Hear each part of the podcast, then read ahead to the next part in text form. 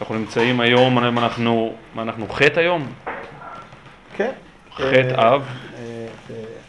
שבס זה ט', אה, השישי חטא, היום אנחנו... אה, לא, היום אנחנו זין. כן, אנחנו אור לז- אור- השני. אור לחטא. יום שישי... לא, לא, לא. לא, אור אנחנו אור לזין. לזין, אור לזין, שבת אב. זה ט', נו. אור לזין אב תשע"ב. נכון. מי"א תתיר לך עשרות. ימי תשעת הימים. רובה, רו- לא בא, לא בא, לימי תשעת הימים תשע"ב. אני רוצה לדבר היום על עניין שהוא מאוד בולט, מאוד בולט ומשמעותי בסוגיה שאנחנו לומדים בשבועות ובחודשים האחרונים, סוגיית נוכחותו של האדם בגן העדן וחטאו. והאלמנט הזה, הנקודה הזאת, אני, כאן אני מקדים את המאוחר, כי זה באמת משהו שאנחנו אמורים ללמוד בשבועות הבאים, אבל, אבל מתוקף עניינה דיומא אני רוצה להקדים את הנושא הזה. הסוגיה שאני רוצה לגוע בה היום נקראת סוגיית הראייה. שהנקודה הזאת, האלמנט הזה, הוא מאוד משמעותי ודומיננטי בפרשת חטאו של האדם והנגזרת ותופעת הלוואי, אפקט הלוואי לאחר חטאו. אז אני אקרא את הפסוקים. ויאמר הנחה של האישה, פרק ג' פסוק ד' כאמור, אני מקדים את המאוחר קצת, גם שאנחנו כבר די קרובים לגעת ולעסוק בפסוקים הללו. ויאמר הנחה של האישה, לא מות תמותו, כי יודע אלוהים, כי ביום אכלכם ממנו ונפקחו עיניכם. הדבר הראשון שבעצם מגלה, מבשר. שבעצם מבשר הנחש לאישה על מה שבעצם אמור לקרות, עשוי לקרות, אם היא תאות להפצרותיו והיא תאכל מעץ הדעת, אז הדבר שיקרה זה כי יודע אלוהים כי ביום אכלכם ממנו ונפקחו עיניכם. ונפקחו עיניכם. אז ההמשך מוכר לנו יותר, והייתם כאלוהים יודעי טוב ורע. אז אנחנו יודעים, העץ נקרא עץ הדעת טוב ורע, אז והייתם כאלוהים יודעי טוב ורע, בסדר. אז זה עוד יחסית מוכר לנו. אבל המרכיב הזה, המוטיב הזה, של ונפקחו עיניכם, ונפקחו עיניכם, תפקחו את העיניים. הווה אומר, מכלל הן אתה שומע עליו, שאם לאחר שתאכלו מעץ הדעת טוב ורע ונפקחו עיניכם, המשמעות היא שכרגע הן עצומות. אתם נמצאים במצב של עצימת עיניים, שעיניכם עצומות. ובאמת, לאחר באמת שהם אכן אוכלים מעץ הדעת, אז אפשר לראות בהמשך בפרק ג' פסוק ז' ותפקחנה עיני שניהם ותפקחנה עיני שניהם קרי כאן להבדיל ממה שדיברנו בשבועות האחרונים לדוגמה שהנחש אומר להם שהנחש אומר לאישה אף כי אמר אלוהים לא תאכ... מכל עץ הגן לא תאכלו מכל עץ הגן שהנחש משקר ללא כחל וסרק, פשוט משקר. כאן, בהקשר הזה של פקיחת העיניים, לכאורה לפי פשטותם של הכתובים, אז הנחש אומר דברי אמת ויציב. ונפקחו עיניכם ואכן כך אבה. פרק ג' פסוק ז' ותפקחנה עיני שניהם. ואו אז, מה קרה? לאור העובדה שותפקחנה עיני שניהם, וידעו כי, ערו, כי ערומים הם, ויתפרו עלי תאנה ויעשו להם חגורות. להדיא,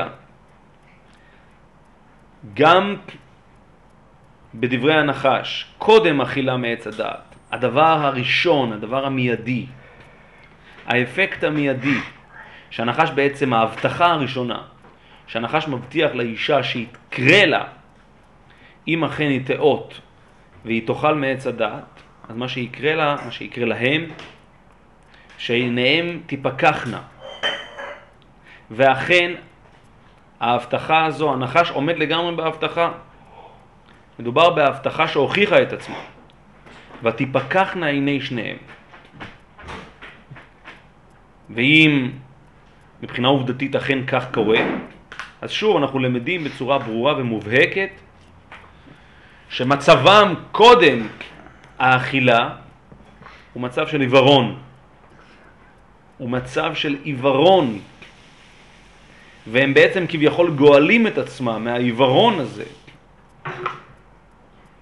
כאשר הם אוכלים מעץ הדעת. והדברים טעונים הסבר, טעונים ביור. מה זאת אומרת הם במצב של עיוורון? מה יש במצבם? מה יש במצבם? בגן העדן מצב של עיוורון. מה יש בו, מה, מה פשרה של אותה פקיחת עיניים, שהיא ללא ספק מאוד כאמור מרכזית ודומיננטית, גם בהבטחה שלפני וגם בתופעת הלוואי מבחינה עובדתית, בגין, הגירו, בגין האכילה, לאור האכילה.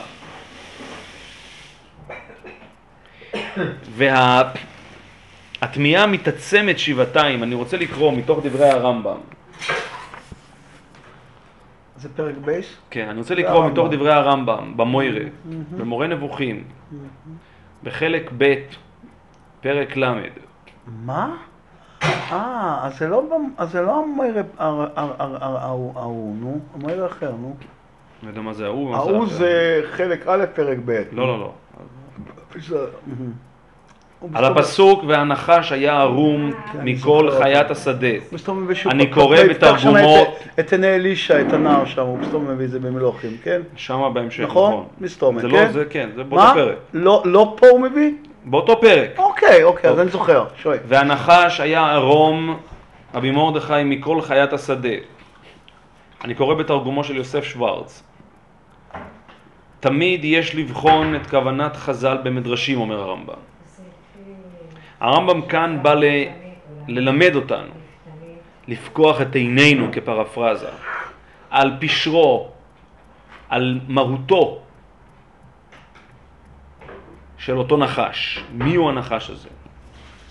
אז אומר הרמב"ם, אנחנו, אני משתמש, אומר הרמב"ם, בדברי חז"ל, והרמב"ם כאן בעצם מפענח את דברי חז"ל ונותן להם אינטרפטציה מעניינת מאוד.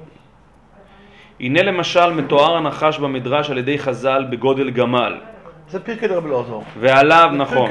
נכון, פרק י"ג, ועליו רוכב השטן אשר נקרא בלשון חכמים סמאל, סמך. סמאל, סמ"ך מ' מה שנקרא, והוא אשר פיתה את חווה. אותו שטן סמאל, אומר הרמב"ם, הוא זה שמנסה להניא את אברהם מלשחוט את בנו, כמתואר בדברי חז"ל. זה, ב, זה במדרש שמתגלה לאברהם כזקן ומוכיח אותו על הטיפשות שבמעשהו שהולך לשחוט את בנו יחידו שנולד לו לזקנותו. וכשלא מצליח אצל אברהם מנסה את כוחו אצל יצחק. אומר הרמב"ם, כאן, כאן, כאן, עד כאן זה הציטוט שמתוך דברי חז"ל. מכאן ואילך האינטרפטציה. השטן, אם כן, אומר הרמב"ם, נקרא סמאל, כי מנסה לסמא את עיני האנשים בתעתועי שווא. מנסה לסמא את עיני האנשים בתעתועי שווא. הוא מופיע אצל חווה כאביר חלומות הרכוב על גמל. אביר חלומות. זה שוורץ כמובן. כך אה? תיארו חז"ל שבא. לרמות את חווה. וכך אמרו במדרש שהיה סמאל רוכב עליו והקדוש ברוך הוא שוחק על גמל ורוכבו. הקדוש ברוך הוא כביכול צוחק על גמל ורוכבו שזה סמאל. בכל מקרה, כותרת, גולת הכותרת בדברי הרמב"ם היא שפשר העובדה, משמעות העובדה שהשטן נקרא סמאל בשל העובדה שיעדו, תכליתו, לסמא את עיני בני האדם. ולא סתם עיני בני האדם, עיני, עיני, בני האדם שמכוונות אל מקום מסוים, בצורה מסוימת. אז עוד לפני שעוד ניכנס פה בסוד לדברי הרמב"ם, זה דבר מופלא מאוד הרמב"ם הזה, תמוה מאוד, פילי פלאות ממש.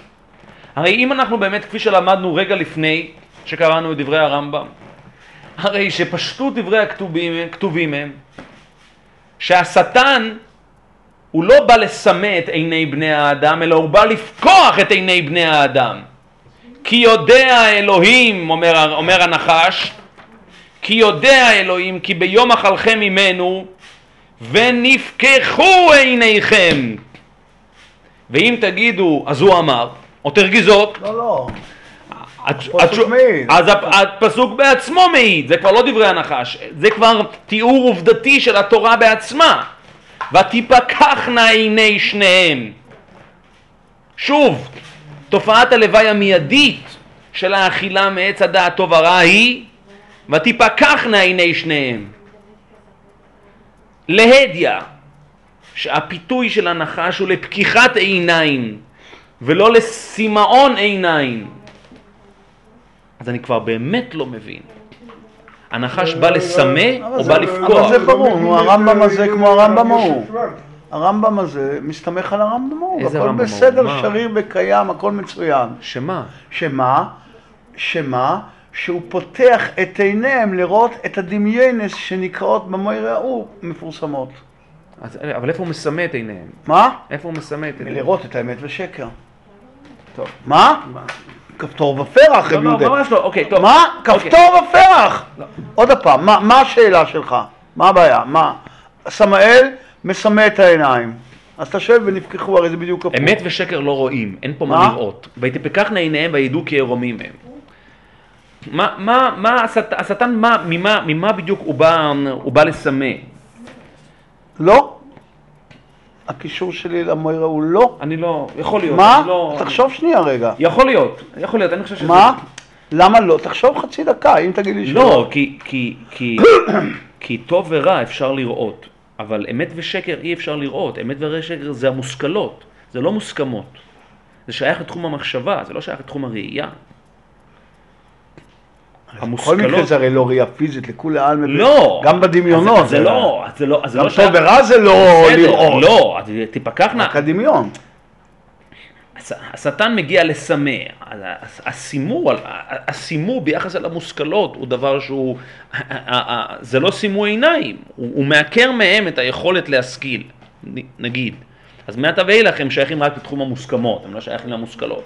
אתה יכול להגיד להפך, מהמוסכמות, מה, מהמוסכמות אפשר לסמא, לכן אתה יכול להגיד, לכן ותפקחנה עיני שניהם, כי באמת הראייה יותר שייכת אל המוסכמות, אבל אל, אל, אל, אל המושכלות, אלא אם כן תגיד זה לשון, לשון מושאלת, אולי, אולי. מה?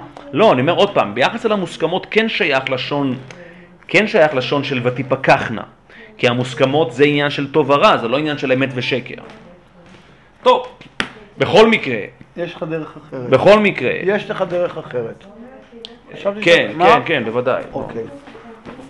או, אני יודע שאתה מאוד אוהב הכל ליישר על פי הרמב"ם ההוא, אבל לא, אני בכלל לא, לא? מה- אני בכלל כל, לא, לא, בכלל, הרי זה הנושא שלנו בכל לא, מקרה. לא, כל הקריאה שלנו בפרשה היא לגמרי לגמרי בניגוד אל הרמב"ם ההוא, לא עולה בקנה אחד עם הרמב"ם ההוא, ממש לא, אבל בכל באופן מקרה שיטתי. אתה מקריא רמב"ם. נכון, נכון, נכון, אתה צודק, הרמב"ם ההוא, נכון, הרמב"ם ודאי, ו- נכון. מה? נכון. אז אתה נכון. תהיה יותר קרוב לרמב"ם כן, הזה כן. מאשר הרמב"ם בוס פרשטייט, ההוא. הפרנקן הרמב"ם.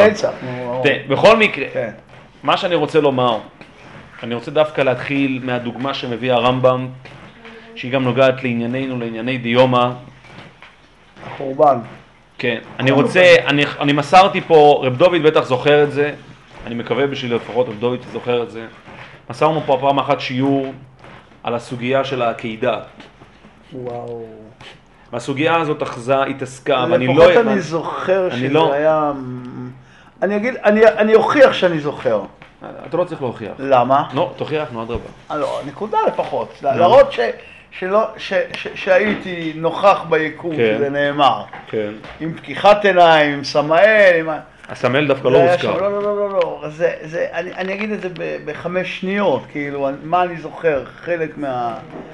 זה היה שמה, זה היה שמה כזאת עוצמה של כן ולא באברום. של כן, אתה, אתה שמעת, אתה יודע למה אני מתכוון, אני מוכיח ששמעתי. של העמעום הזה, של הערפל הזה, של ה... של ה... לא של 50 אחוז סופק, אלא של 100 אחוז כן ו-100 אחוז לא כזה. ביחד יוצא תמיד ש... שומע, טוב, היית- לא, אני זוכר חלק רגע. אתה זוכר את ההדהוד של הדברים, כן. מה? את ההד של הדברים. זה- טוב, בכל מקרה, בכל מקרה, אני רוצה לומר, מבלי, מבלי להיכנס נו. לכל סוגיית העקידה, כי זה באמת דורש מאמר נרחב בפני עצמו, אני רוצה לדבר בהקשר דווקא של דף המקדש. גמרא, סנהדרין עד- פטס, זה דף גמרא. כן, אני רוצה. אני רוצה, אה? רוצים מקדש, לשמוע אה, אה, מקדש. אה, אה, אה, רבותיי, רבותיי, יש פה שלושה. המות- אחד המוטיב- אחד המוטיבים המאוד מאוד בולטים. בסוגיה הזו של פרשת העקידה הוא עניין הראייה. עניין הראייה. כאשר יצחק שואל את אברהם, הנה האש והעצים והיה עשה לעולה, אומר לו אברהם, וזה אחד מן הדברים שאין להם הכרע, איך לקרוא אותם, אומר לו אברהם, אלוהים יראה לו, עשה לעולה בני. אנחנו לא יודעים איך לקרוא, אנחנו לא יודעים איפה לשים את הפסיק, אלוהים יראה לו, עשה לעולה בני, כן? אל- אלוהים יראה לו, עשה לעולה בני, אלוהים יראה לו, עשה לעולה בני, או אלוהים יראה לו, עשה לעולה בני, שבני בעצמו יהיה. בכל מקרה,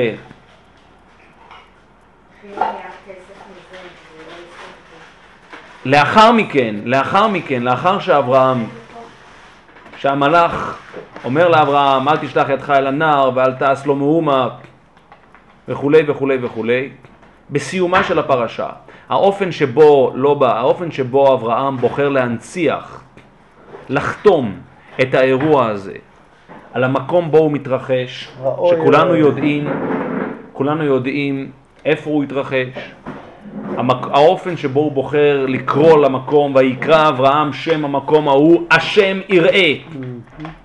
מה זה השם יראה? ומה יש, מה, מה יש באירוע, באירוע הזה של העקדה, שכולו סיפור של התמסרות, כולו סיפור של הקרבה, כולו סיפור של מסירות נפש, מה יש באלוהים יראה? ויקרא השם המקום ההוא, אלוהים יראה. אשר יאמר היום, בהר השם יראה. התשובה היא מיידית. כמו שאצל אברהם זו הייתה גאולה, כשאלוהים הראה לו את השה, במקום יצחק זו הייתה גאולה. כן, אבל זה הסיפור שאלוהים הראה לו, תעשה הסיפור הרי סיפור ההקרבה. גם בית המקדש, כשאנחנו, כשאנחנו אומרים, כשאנחנו רוצים להזכיר. יראה לפי עקדתנו, אנחנו מספרים את הסיפור של, אנחנו את מראים את הסיפור של אברהם, של ההקרבה, של עקדת יצחק. היה צריך לקרוא למקום הזה, ויקרא שם המקום ההוא עקדה. אבל אולי, אולי נקרא את השם בשם happy end. יותר חשוב. אבל הסיפור, את מה אנחנו רוצים להנציח? את האפי אנד או את ההקרבה, את העקדה יצחק? "ואזכור את זקני אשר כבש אברהם רחמיו. יעקב ואף אברהם, אז אומר שם רש"י בויקרו, יצחק לא מוסתר, עפרות צבור על המזבח. זה עוד כאילו- משהו. לא, אז כאילו, אבל אוקיי. מה יש באירוע הזה שמיוצג? הרי האירוע האירוע של הקרבה והתמסרות. מה יש באירוע הזה שמיוצג בצמד המילים אלוהים יראה? אשר יאמר היום בהר השם יראה. מה זה אשר יאמר היום בהר השם יראה? הרי במילים הללו אשר יאמר היום בהר השם יראה בעצם נאמר כאן שהיום היינו האופן שבו אנחנו מתייחסים אל המקום ההוא אל המקום ההוא באחד ההרי- ההרים אשר אומר אליך. אנחנו מתייחסים אל המקום הזה, ההתייחסות שלנו אל המקום הזה זה בהר השם יראה. הר המוריה. הר המוריה.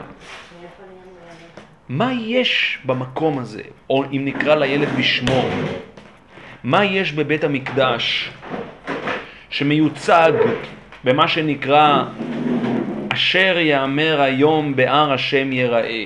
שלוש פעמים בשנה ייראה אם הזכרת ביס המקדוש, כמובן, נכון. שזה ההמשך עוד מזה. רגע נגיע לכל זה. מהמם. יש גם שכינה. אז אני רוצה לומר משהו, אני רוצה לומר משהו. וזה הדדי, כשם שבא לראות, בא לראות חגיגות. הגמרא אומרת, הגמרא בסנהדרין אומרת, סליחה, הגמרא ביומא, בסנהדרין ביומא? מה, תגיד מה. בסנהדרין. מה? מדוע במגילת איכה, אז ה- הפה פ', והצעה. כן, הפ' כן. קודם לעין, פה לעין. מי זה הקדימו? לפי שהקדימו פה. לעין, שאמרו. לפי שאמרו, שאמרו בפיהם מה שלא ראו בעיניהם, המרגלים. המרגלים. אפס כי עזה. אפס כי עזם, נכון. לכן רבי מרדכי במגילת איכה. לכן במגילת איכה הגמרא הזאת הייתה עוד לפני שמשה שפירא בא לעולם בכלל. כתבו אותה לפני. היא נכתבה לפני, היא נכתבה במאה השישית, ורמוישה הגיע לעולם במאה במאה הייתי העשרים. היום וורט מה- טוב. רגע. כשהמרצים תקפו את הרב אלישיב בשאלות, חזרו על הגמרא פעם עשירית בלי להבין, הוא כבר נשבר, לא היה לו כוח, אז הוא אמר, וואו, איך הגמרא כיוונה לדבריך.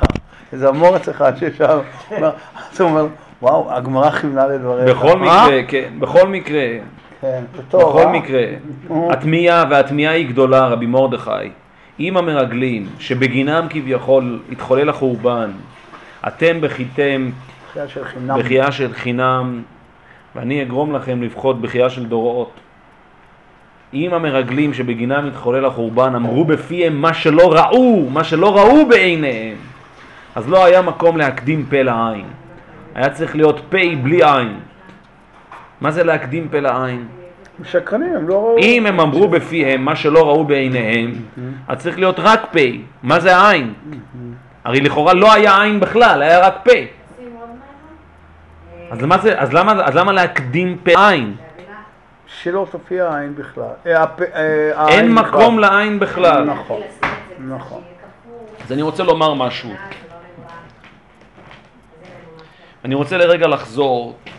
זאת ההנחה הגדולה שאני רוצה להניח, וזאת הנחה שהיא חשובה בראש ובראשונה בסוגייתנו דלהלן, בסוגייתנו, סוגיית מצבו של האדם קודם גירושו, וכנגד זאת מצבו לאחר גירושו. אני רוצה להתחיל לקפוץ אל הגות אחרת, שאנחנו קצת מתכתבים איתה, קצת הרבה לפעמים. אני הזכרתי זאת בכמה הזדמנויות. ואני שם את הדברים על השולחן, כי אני לא, לפעמים אני מתכתב במטה, התכתבות, אני לא מזכיר בשם, פה אני מזכיר בשם. אצל, אצל לקאן, אצל ז'אק לקאן, הפסיכואנליטיקן, הפילוסוף של הפסיכולוגיה, הפסיכואנליטיקן הגדול, יש לו מאמר, חיבור בעצם, שעוסק כולו בשלב של התפתחות, התפתחות האדם, בעצם התפתחות של ילד, של תינוק, שהוא קורא לו שלב המראה. מהו שלב המראה? שלב המראה שהוא שלב מכונן בהתפתחות האדם, בהתפתחות הילד, מבחינה קוגנטיבית, תודעתית. הילד, התינוק, ב... בחודשיו הראשונים הוא במצב של זרימה לגמרי ספונטנית, מוחלטת, בלתי מותנית, עם עצם הווייתו, עם המרחב. מאווייו, עם רצונותיו. אין לו שום דימוי עצמי. אין לו שום, הוא בעצם במצב של כאוס. מדוע? מכיוון שלא מתקיימת שום צורה של התניה בינו לבין המרחב הקיומי, וממילא אין, בו, אין, אין לו שום דבר שיעצור אותו. הוא רעב, הוא יבכה, הוא לא רעב, הוא יישן, זה, הוא רוצה לישון, הוא יישן, בצורה שהיא לגמרי אינסטינקטיבית, לגמרי גולמית. לאפוקימה, לאפוקימה, רגע, רק לאפוקימה, דקה. כדי להבין, לאפוקי לאפוקימה. כמובן, אדם, בוגר, אני מבין. האדם הבוגר. כן, אבל לאפוקימה בנקודה. כל זאת היא לאור העובדה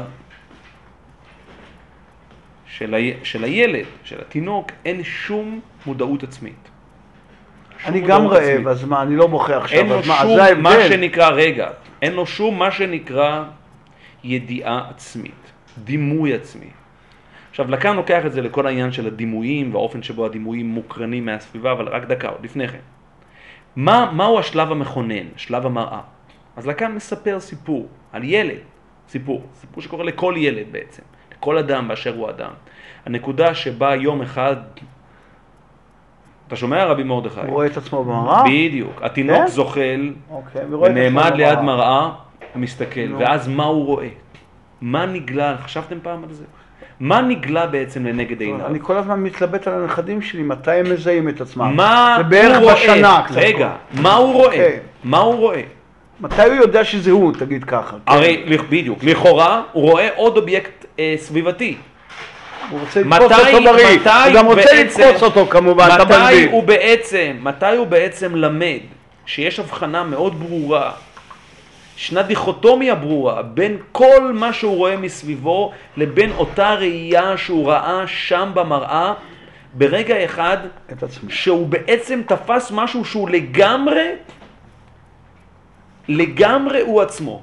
או אם תרצו, המושג שנקרא הוא עצמו. וההבחנה, רגע, וההבחנה הזאת בין הוא להם, בין אני לזולת. ואתם, אני ואתם, אני ואתה.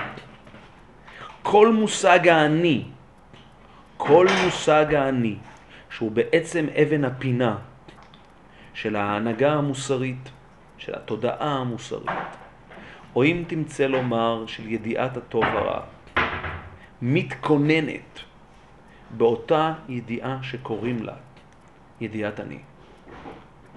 או אצל הקאן, שלב המראה. והשלב המראה הוא השלב שהכאוס הזה, ממש לקאן משתמש במילה כאוס.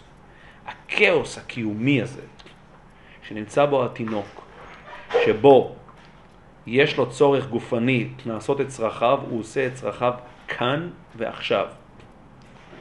יש לו צורך, יש לו, יש לו צורך גופני להטיל את מימיו, הוא מטיל את מימיו. יש לו צורך גופני לפלוט, הוא יפלוט. האני שלו חי ומתקיים בצורה שלא, אין שום חציצה, אין שום התניה. כל ההתניה יכולה, יסודה, האבן הראשה של, ה, של איזשהו נורמטיב כלשהו, איזושהי הכרה מוסרית כלשהי, איזשהו אלמנט תרבותי כלשהו, איזשהו אלמנט תרבותי כלשהו, יסודה, יסודה בשלב המראה. והשלב הזה הוא שלב עמוק מאוד, דרמטי מאוד, בנפש האדם, בתודעת האדם, במקרה דלהלן תינוק, אבל הוא אדם לכל דבר ועניין. הנקוד, ההבנה כביכול, זה הבנה אינטואיטיבית פנימית, זה לא מה זה הבנה, שמה שהוא ראה שם במראה, שהוא מסתכל פתאום על עצמו במראה והוא מבין שהוא בעצם רואה את עצמו. הוא לא, רוא... הוא לא רואה מרחב. ואז, ואז מה זה אומר שהוא רואה את עצמו? המשמעות היא שיש מושג שנקרא עצמו. יש מושג שנקרא עצמו. עכשיו הדבר הזה דורש הרחבה עמוקה מאוד, והתבוננות עמוקה מאוד. אבל לדעתי, ואני אומר זאת לא כדרוש, ולא כאיזושהי פרפראת חוכמה, אני אומר זאת כדברי אלוהים חיים, כדברי תורה. זה בדיוק, אבל בדיוק,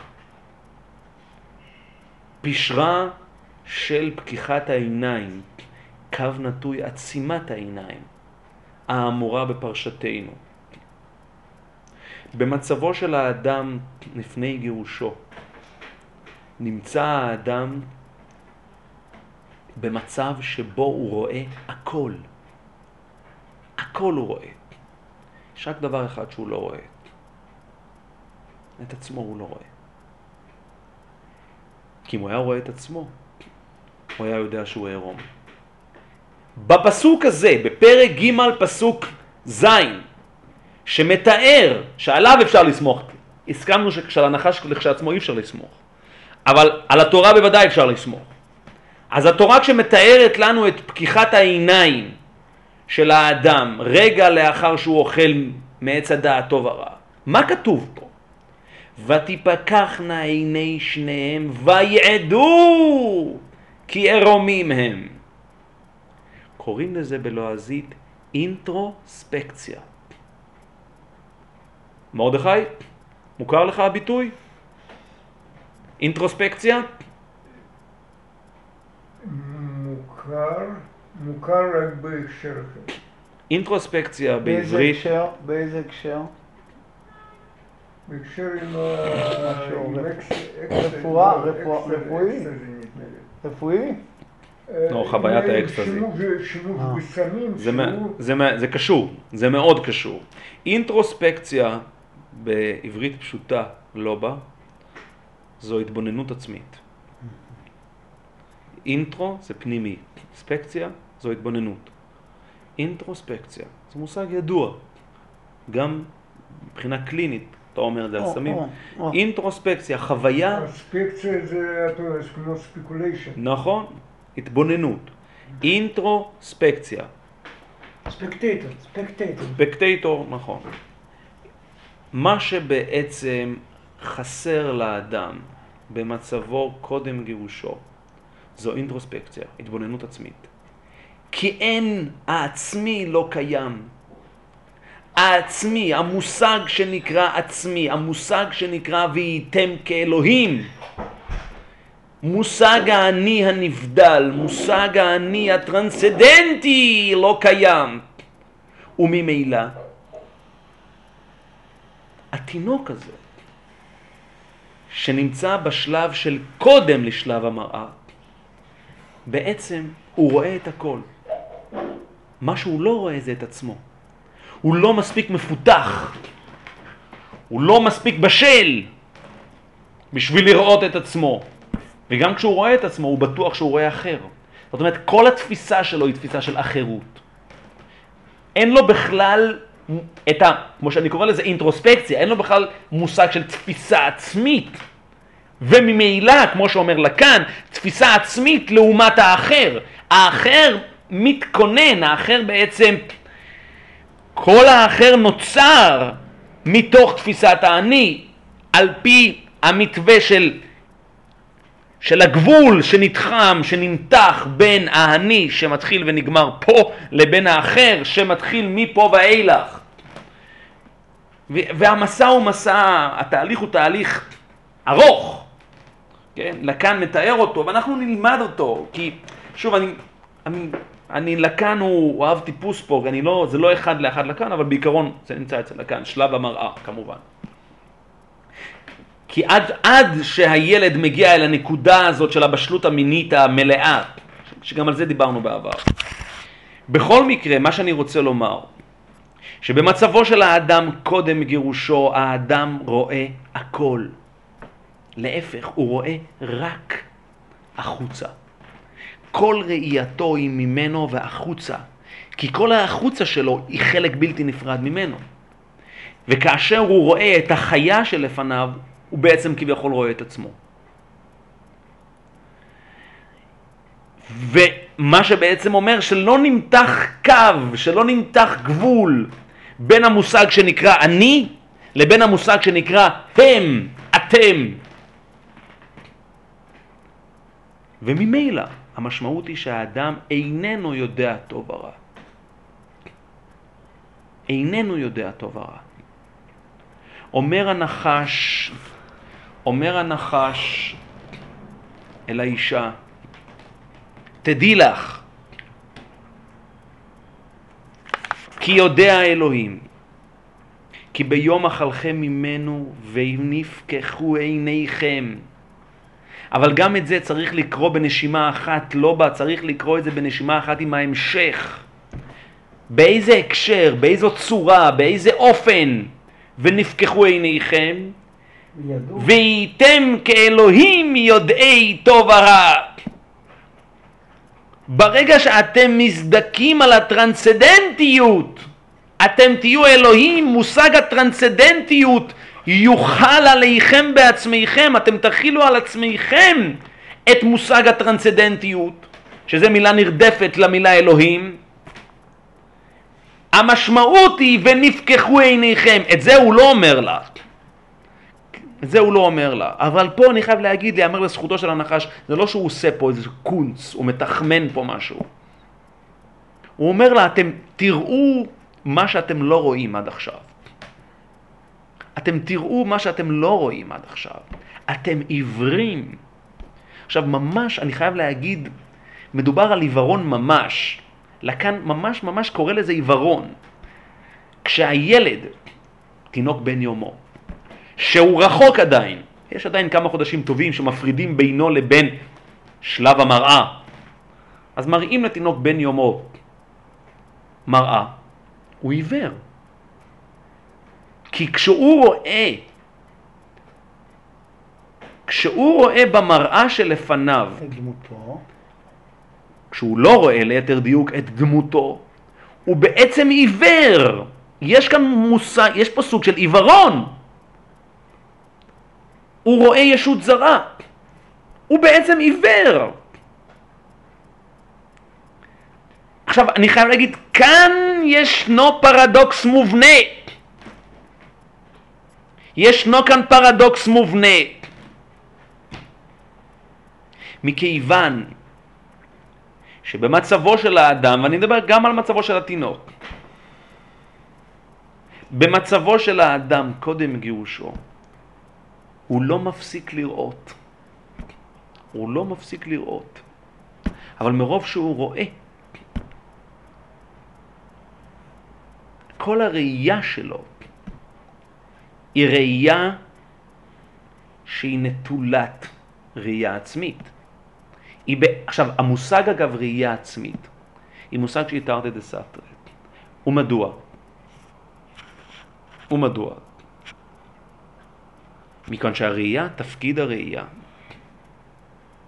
תפקיד הראייה זה החוצה. האדם לא אמור לראות את עצמו. מראה זה טריק שעשו בני האדם. טריק שעשו בני האדם. הסיפור הידוע, כן, על אותו נזיר,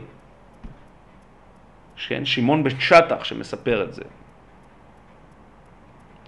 הוא פגש נזיר, יפה תואר. יפה תואר. כן. מה הסיפור? שהוא הלך וראה את עצמו, הוא מעולם לא ראה את עצמו.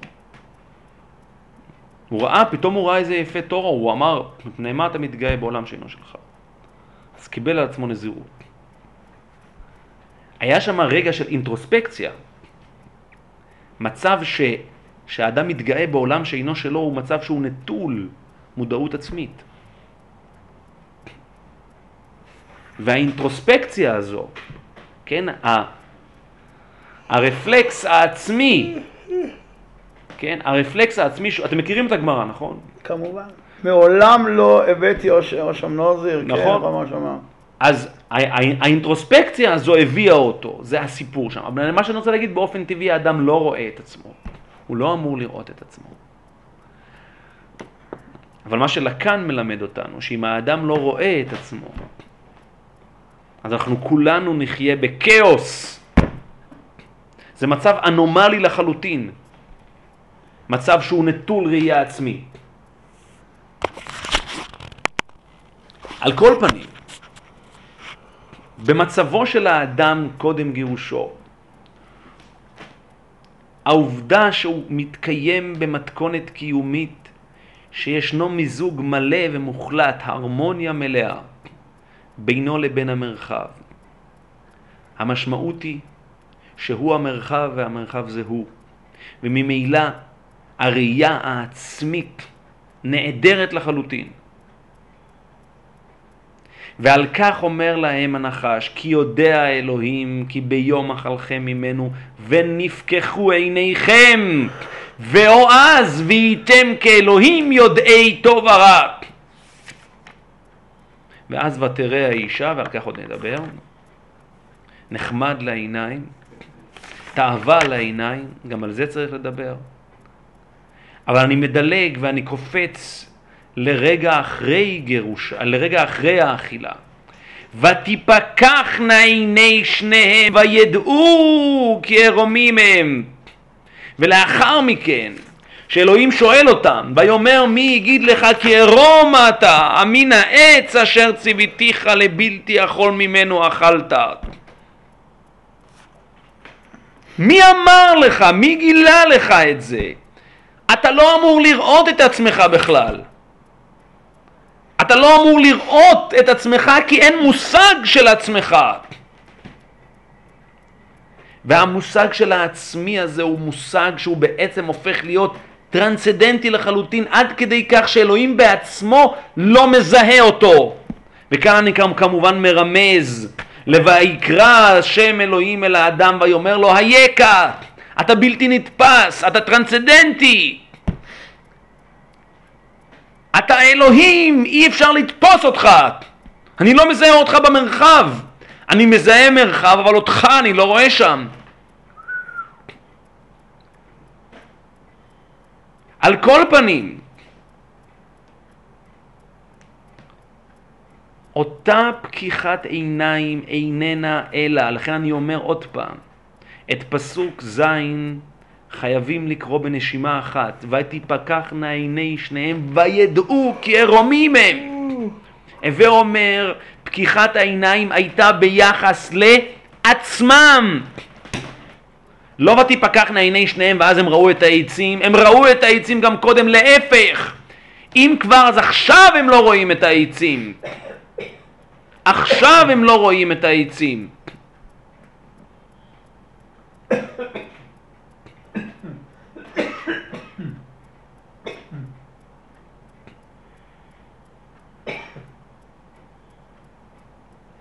המשמעות היא, פה אני חוזר לדברי הרמב"ם.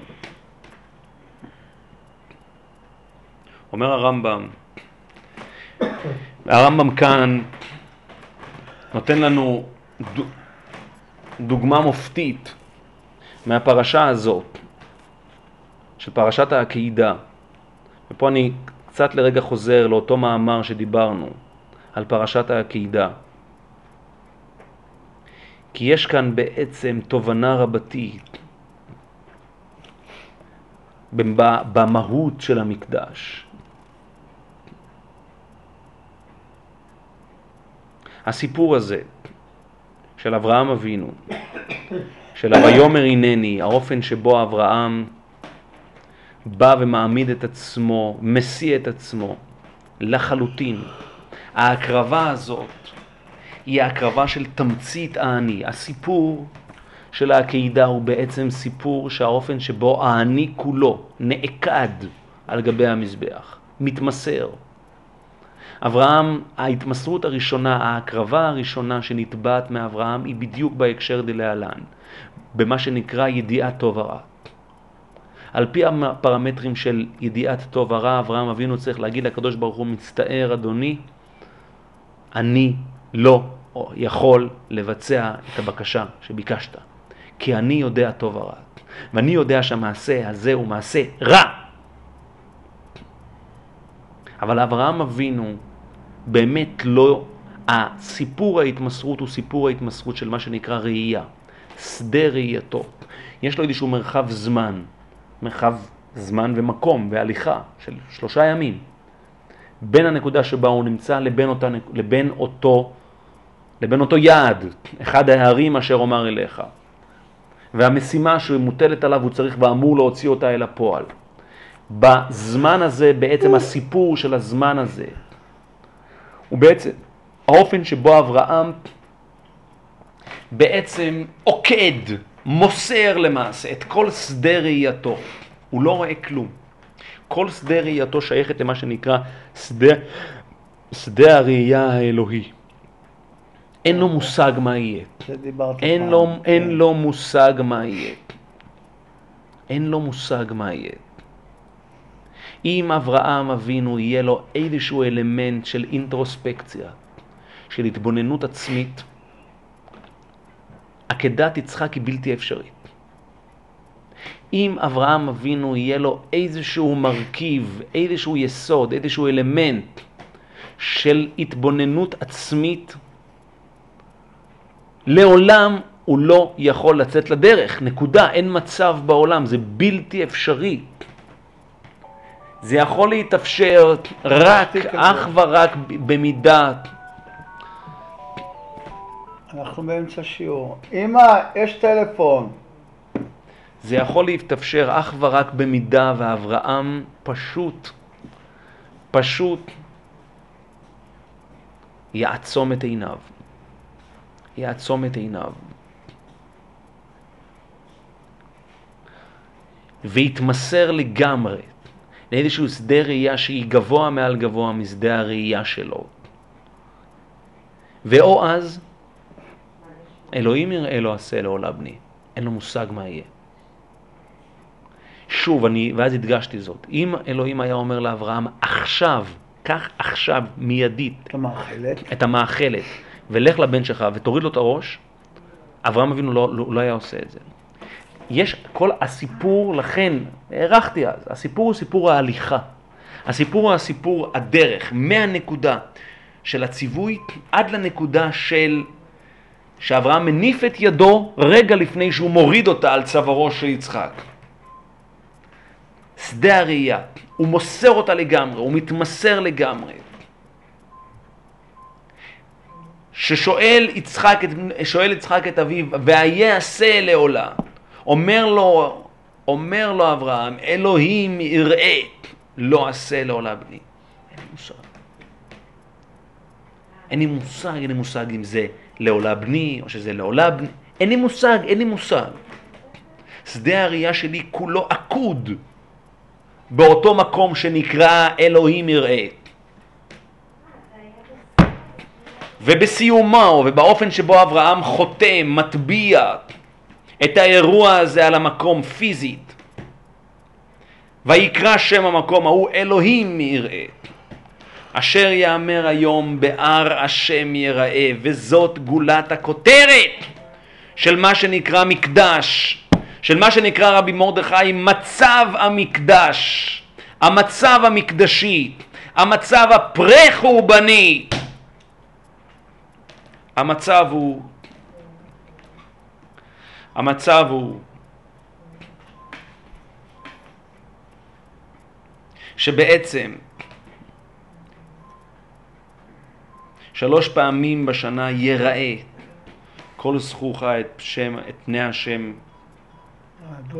פני האדון השם במקום אשר יבחר. ראיית פנים באזהרה. והגמרא כבר אומרת, סומה פטור מראיית כשם פנים. שהוא בא לראות, ריש חגיגה. נכון, גמרא בריש חגיגה. נכון. כשם שהוא בא לראות, ככה בא להיראות, נכון. מהמם. יש כאן מושג בבסיס המושג שנקרא ראייה. קורבן ראייה. מה המושג של קורבן הראייה? האופן שבו האדם מעמיד את עצמו לעומת. שלוש פעמים בשנה יראה כל זרוחוך את פני השם אלוקיך במקום אשר יבחר. המשמעות היא, יש כאן משהו עמוק שבעצם מבטא את כל צורת הנוכחות של המקדש. הנוכחות של המקדש היא האופן, המשמעות של נוכחות המקדש היא שהאינטרוספקציה היא המקדש, היא לא העצמי, האדם תופס את עצמו. האדם נמצא במרחב שיש במרחב הזה עוגן, עץ החיים בתוך הגן. יש שם עוגן, יש את עץ החיים, יש את אילונה דחייה, שבעצם הופך את כל שדה הראייה, כל שדה הראייה, להיות שדה ראייתו של אלוהים. כל המציאות כולה היא בעצם מסתפחת אל ראייתו של מקום. אין בכלל, האדם כשהוא תופס את, עצ... את עצמו הוא בעצם תופס את הקדוש ברוך הוא. אבל אין בכלל מושג של תפיסה עצמית. העצמי הוא העץ חיים בתוך הגן. אין שום התניה. והעובדה שאין שום התניה יוצרת גם את החיבור בין כל הפרטים. יוצרת את הקהילה, על כך דיברנו בשנה שעברה. לי להוסיף מושג. הקהילה, מושג הקהילה, המושג שלה נקרא יחד. יש לי להוסיף... המושג של ההתלכדות מתאפשר רק בזכות העובדה שאין ראייה עצמית, יש ראייה באזהרה ושם כולם נמצאים, שם כולם יראה כל זכורך את פני השם. יש לי משפט לפני זה, אני הולך רוורס, מה שאמרת לפני שתי דקות, אני מוסיף לעצמי הבהרה. אצלך אולי זה בנה לי בפשיט, לעצמי הוספתי. כשהיית לפני שתי דקות, אז אני מוסיף, שאמרת זה הכל שדה ראייה של הקדוש ברוך הוא. אמרתי, אבל האדם יצר לו את זה, כי זה בייס השם שאנחנו בנינו אותו. לא מהשמיים שלישי ולא בטיח. נכון, כי זה- אנחנו נכון. יצרנו, מי זה אנחנו? אנחנו כבר זרוע שנייה, כלי חמישי. אברום אבינו יצר את אה, ביטול או אה, את הפרספקטיבה של ראייה מתוך האלוהות. נכון, זהו. נכון, זה, זה, נכון. זה, זה, זה, לא, וזה, וזה גוואלדי, כי אנחנו, זה, באופן פרטי, בראייתנו זה שלנו. הדבר היחיד ש, שזה בית השם, הכל הוא ברא. נכון. זה הדבר היחיד שמבחירה שלנו, אברום הראשון, בנינו לו בית נכון. השם, מה זה בית השם? הכל הלא שלו, אבל זה אנחנו יצרנו לו. נכון, אנחנו, והיצירה. הזאת התאפשרה, כמו שאתה אומר, בזכות הבשורה הגדולה של עקדת. יצחק, של אשר יאמר היום בהר השם יראה, ויקרא שם המקום ההוא אלוהים יראה. זה כל המושג שנקרא אורים ותומים. המושג שנקרא להיראות, יראה כל זכורך, זה הפסגה של הזיקה שמתקיימת בין האדם לבין המקדש. יראה כל זכורך. האדם רואה את המרחב ורק את המרחב. ככה האדם רואה. אני רוצה לרגע שוב לחזור, מדוע? מדוע אומר לנו הרמב"ם שהשטן בעצם מגיע לסמא, מגיע לסמא את עיני האדם ואת עיניו של אברהם אבינו. מה בעצם השטן מנסה לעשות לאברהם אבינו? אז, אז, אז נקרא את לשון הרמב"ם. השטן, סמאל, הוא זה שמנסה להניא את אברהם מלשחוט את בנו.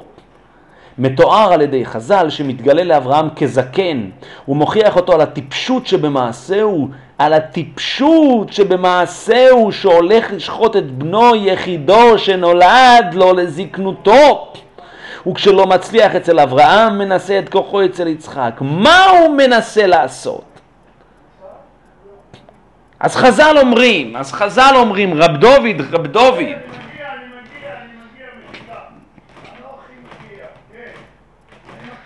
חז"ל שם מתארים, כאשר הם מתארים מה בעצם מנסה השטן לעשות. אז הוא אומר בתחילה נדמה כנהר, לאחר מכן נדמה בצורות שונות ומשונות.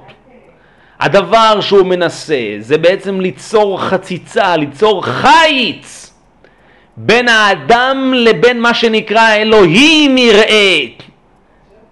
והחיץ הזה, החיץ הזה, הוא בהכרח הוא בהכרח גוזר אינטרוספקציה, ראייה עצמית. שוב רב דוד, אני אחזור בשבילך כי זה חשוב מאוד. כן. מה בעצם מנסה השטן לעשות? אז אני אמרתי, חז"ל שם, הרמב"ם קצת פחות מביא את זה, אבל מי שמכיר שם, כולנו מכירים את החז"ל הזה. שחז"ל שם מתארים את האופן שבו נדמה לו כנהר, נדמה לו בצורות שונות ומשונות. מה בעצם, מה הרעיון שנדמה לו כנהר?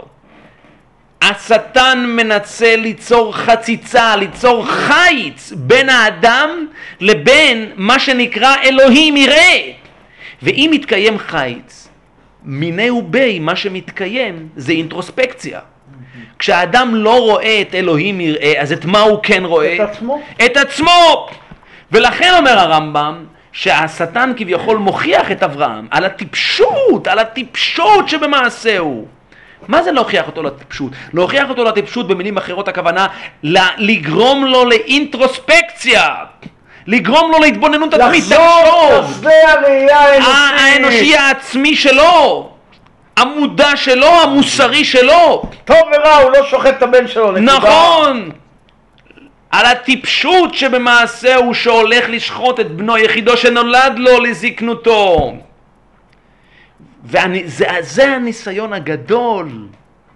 זה הניסיון הגדול שעומד בו אברהם, שהוא לא נופל לכל התעתועי שווא האלה, ולא, והשטן לא מצליח ליצור את החציצה בין אלוהים יראה לבין עיניו שלו, לבין עיניו האנושיות שלו. וההתמסרות היא בלתי מותנית, היא מוחלטת. ההתמסרות אל המקדש, על האופן שבו כל עיני ישראל מכוונות אל המקום ההוא. וכמובן שכל דבריך זה הרמב"ם סמאל פה, כמובן. נכון, כמובן. ומדוע כמובן. אם כן, אני כאן, ואם כמובן. נחזור לרגע בפרשתנו שלנו, למה השטן כאן מגיע בעצם לסמא את עיני האדם? כי בעצם, מה שבעצם קורה רבי מרדכי, וזה הסיפור הגדול של פרשיית גן העדן, כשכתוב פה ותפקחנה עיני שניהם וידעו כי ערומים הם, במילים אחרות כתוב פה לא בא, שהם נהיו עיוורים בכל מה שלא נוגע להם עצמם. פתאום הם לא רואים, הם רואים את עצמם. כל מה שהם רואים, הם רואים מתוך נקודת המוצא של ראייה עצמית, גם הקוצקר של טוב. הסובייקט, גם- ההזדכות על גם הסובייקט. הקוצקר טוב, גם הקוצקר הקלאסי טוב. שמה? אנוכי עומד בין השם ובין העבר. נכון, כן? נכון, גם הוא טוב פה. זה גם הוא עניין האגו, פה. נכון, גם פה, גם נכון, טוב נכון, וזה באמת לקאן, לקאן מדבר על האגו, וצריך לדבר על זה, מושג האגו. כן, התפיסה האגוצנטרית, הכל, ובעצם האדם לא מסוגל לגאול את עצמו מהאגוצנטריות הזאת. כל הסיפור, כל הסיפור של קמצא בר קמצא זה סיפור האגוצנטריות. זה סיפור האגוצנטריות. כל הסיפור של שנאת החינם זה סיפור, של סיפור האגוצנטריות. שהיא צד אחד של המטבע. הצד השני של המטבע זה והייתם כאלוהים יודעי טוב ורע. זה היבנה בחכמיה, ועל כך נגיע עוד רגע. המשמעות היא, המשמעות של מעשה המרגלים, של חטא המרגלים, המרגלים לא שיקרו. הם לא שיקרו, זה לא יהיה נכון להגיד שהם שיקרו. מה הם בעצם עשו? הם לקחו עובדות והעניקו להם פרשנויות. אינטרוספקציה. מה לא, זאת אני אומרת? התכוונתי אינטרפטציה. אינטרפטציה, כן, כן, נכון. כן. הם העניקו אינטרפטציה למציאות. עכשיו, המושג הזה שנקרא אין לחכם אלא מה שעיניו רואות, מה בעצם עושה החכם? חכם לדיין. לדיין מה שעיניו רואות. זה שיפוטי. שעה, כי זה נכון, שיפוטי. זה הידיעת הטוב הרע. מהמם. חובתו של הדיין לקחת את המציאות ולהבין אותה. מה משמעותה? חומרי הגלם זה המציאות, אבל המסקנה היא מסקנה תבונית. המסקנה היא מסקנה תבונית. המסקנה היא מסקנה שמתקיימת לגמרי בשכל הנבדל של החכם, בשכלו הנבדל, בטריטוריה הנבדלת, הטרנסצדנטיות הזו, הטרנסצדנטית של, של, של החכם, של הדיין. הנביא אומר מה שהוא רואה, כה אמר השם. החכם תפקידו להפעיל את השכל, להפעיל את הסברה. סברה. כל תורה שבעל פה יסודה בסברה. מה הם עשו?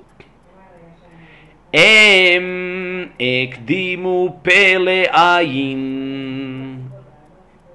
הקדימו פה לעין. הם ראו באופן שבו הם פרשנו. הפרשנות, הפרשנות הייתה נקודת המוצא. הפרשנות. הפה זה הפרשנות. העין זאת הראייה. יורים ועושים עיגול. הם. פרשנו, הם באו עם. פרשנות, הם יורים, סיפרו. את עצמם, הם לא סיפרו את מה שנמצא שם, הם סיפרו את מה שנמצא בדעתם, במוחם, במוחם הקודח, ואגב, הם צדקו, מסברה הם צדקו, הם לא אמרו משהו שהוא קרומקייט, מה שנקרא. הם אמרו משהו שהוא לגמרי הגיוני, משהו שמתקבל ומתחייב על הדעת. זה אבל אנטיתזה מוחלטת לתפיסת ארץ ישראל, לתפיסת המקדש. המקדש- מה פה מתקבל על הדעת? להישאר במדבר? לא, מתקבל על הדעת שאי אפשר לנצח את הבני ענקים. בריוני אימים, בריוני השכונה, אי אפשר. בריוני השכונה. מה- מה- מה האלטרנטיבה?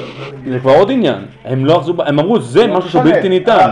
מה? הם, הם, הם אמרו זה הם לא בלתי ניתן. הם לא הציעו אלטרנטיבה. הם- לא תפקידם להציע אלטרנטיבה? תפקידם לבוא ולהגיד, לדווח. לדווח. אגב, והם לא דיווחו, הם פרשנו, אבל הפרשנות היא פרשנות הגיוני. הכי הגיונית בעולם, הכי מתחייבת על הדעת שרק יכולה להיות. כפרשנים, כבעלי סברה, מקומם בשורה הראשונה בבית המדרש. אבל ארץ ישראל היא לא בית המדרש, בית המדרש נמצא בבבל.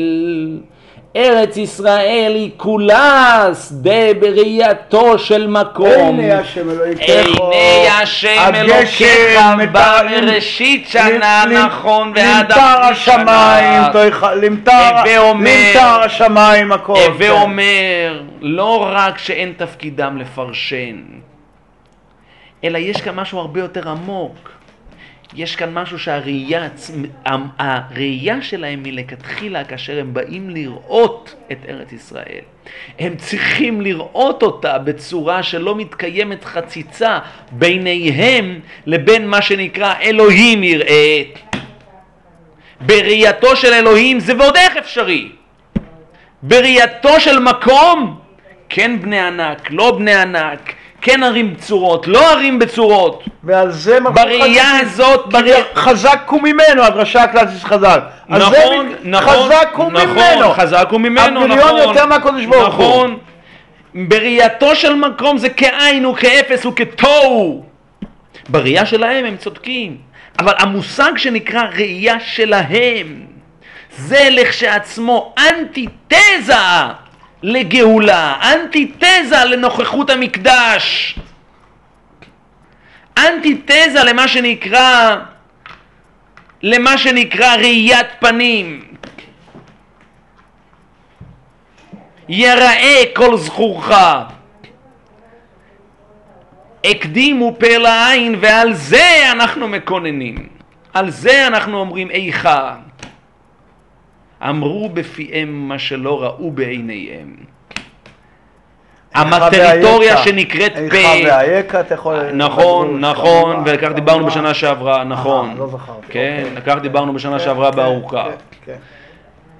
הטריטוריה הזאת שנקראת פה אלובה, היא טריטוריה ששייכת לבית המדרש, תורה שבעל פה.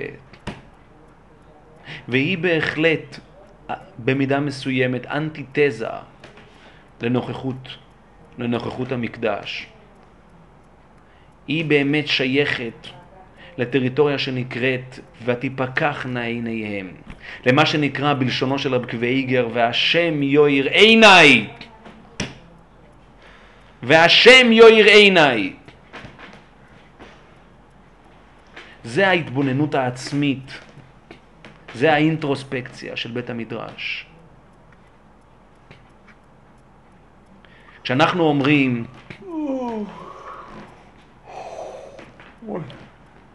מזמור שירו יום השבת, טוב להודות להשם ולזמר לשמך העליון, להגיד בבוקר חסדך ואמונתך בלילות.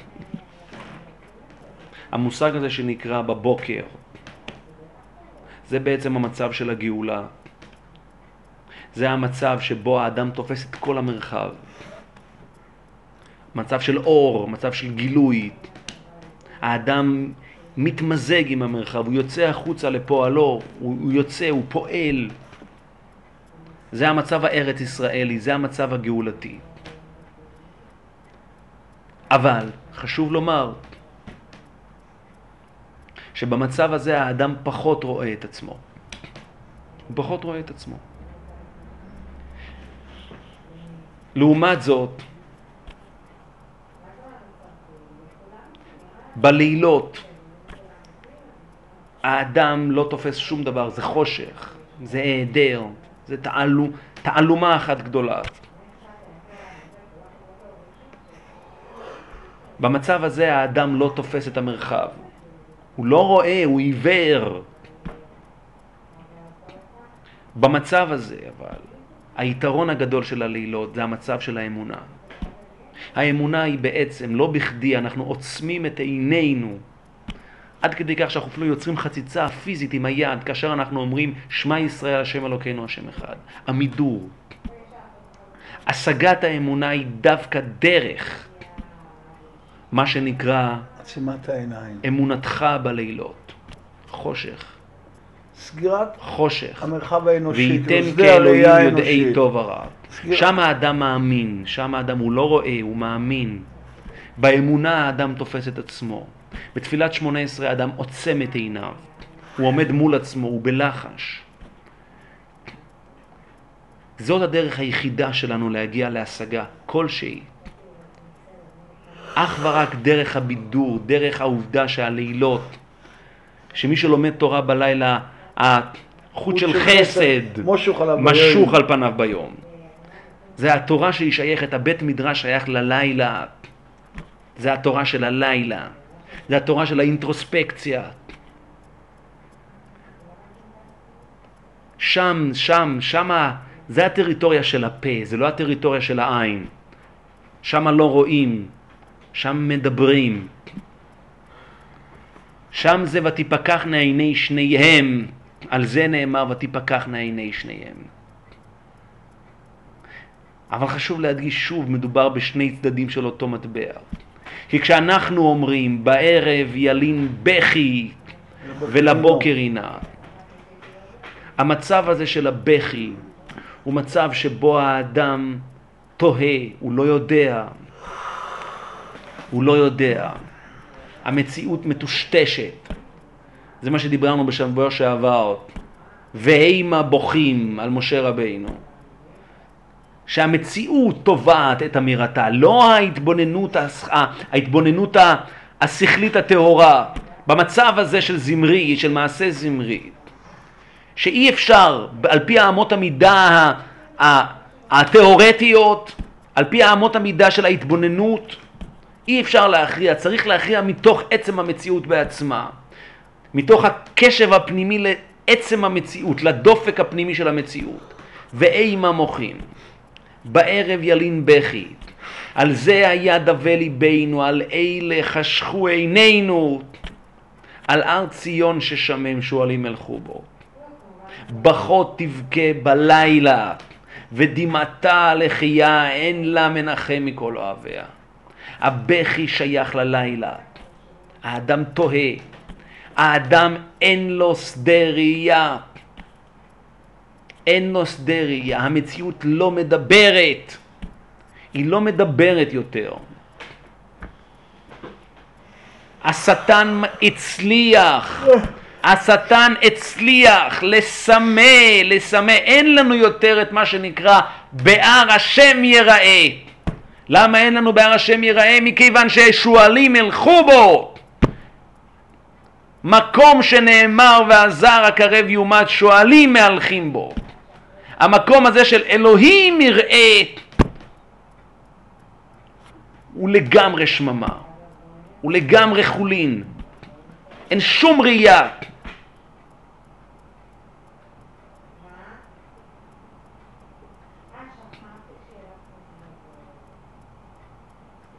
רק רבי עקיבא, שהוא השיא של התורה שבעל פה. שהוא השיא של תורה שבעל פה, הוא מסוגל לראות גבוה מעל גבוה, הוא רואה כבר את ה... עוד ישבו זקנים וזקנות ברחובות ירושלים וילדים וילדות משחקים ברחובותיה. הגמרא בשלהי מסכת מכות.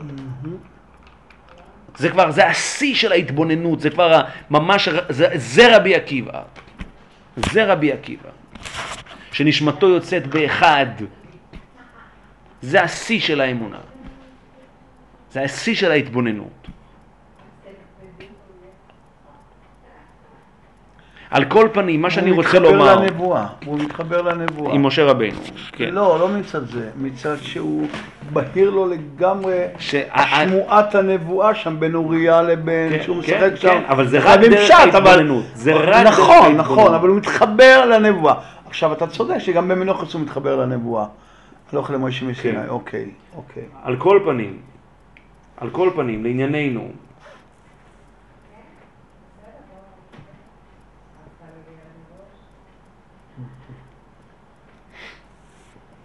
על כל פנים, הסיפור, הסיפור של החורבן הוא בדיוק הסיפור הזה, שני הצדדים של אותו מטבע של החורבן.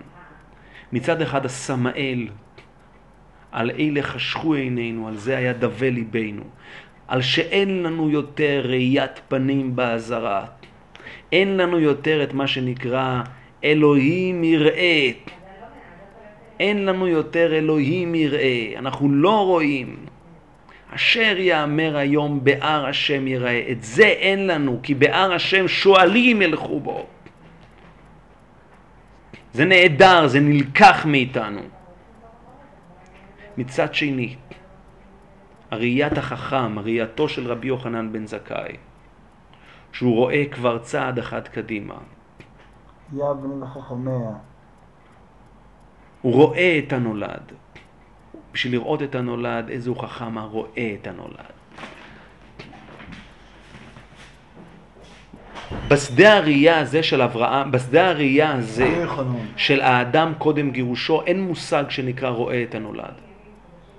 כי אין נולד, הכל נמצא, הכל הווה, כאן ועכשיו. החכם, רק כאשר בסופו של דבר המציאות היא מוגבלת, היא סופית, צריך לראות מה קורה אחרי, רגע אחרי. רבי יוחנן בן זכאי כבר מזהה את הסופיות של המקדש, הוא כבר נמצא, הוא כבר בתודעתו נמצא רגע אחרי. הוא כבר נמצא במקום של ותפקחנה עיניהם. ומה שיש לו זה יש לו אינטרוספקציה, זה מה שיש לו, התבוננות עצמית. והוא חרד על העצמי הזה. הוא חרד על העצמי הזה, הוא רוצה לקדש אותו. הוא רוצה להנציח אותו, והוא לא מנציח אותו בירושלים, הוא מנציח אותו ביבנה. תן לי יבנה וחכמיה. הוא רוצה לבדל, הוא רוצה לשמור על קדושת פיכחון העיניים הפנימי של האינטרוספקציה.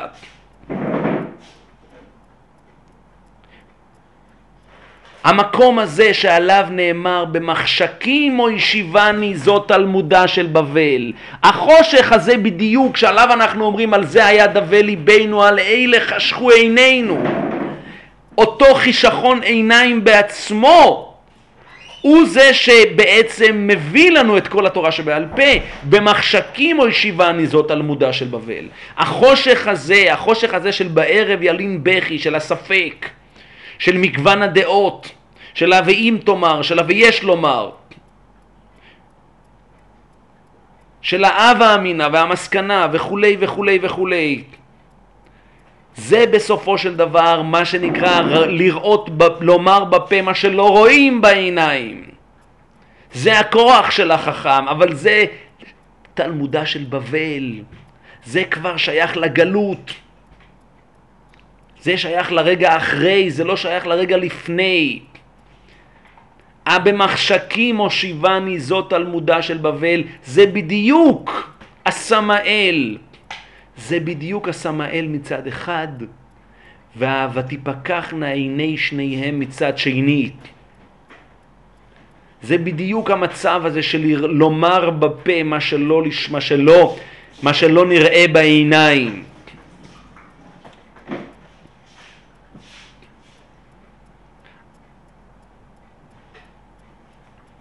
התפילה היא שאור חדש על ציון תאיר, ונזכה כולנו במהרה לאורו.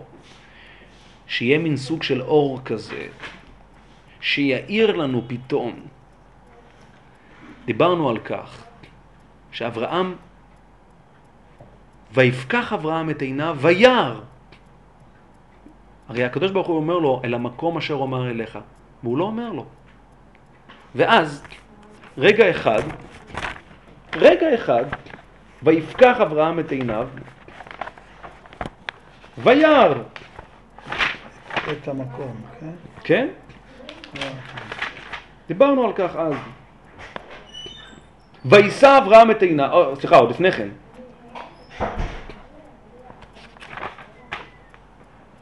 ביום השלישי וישא,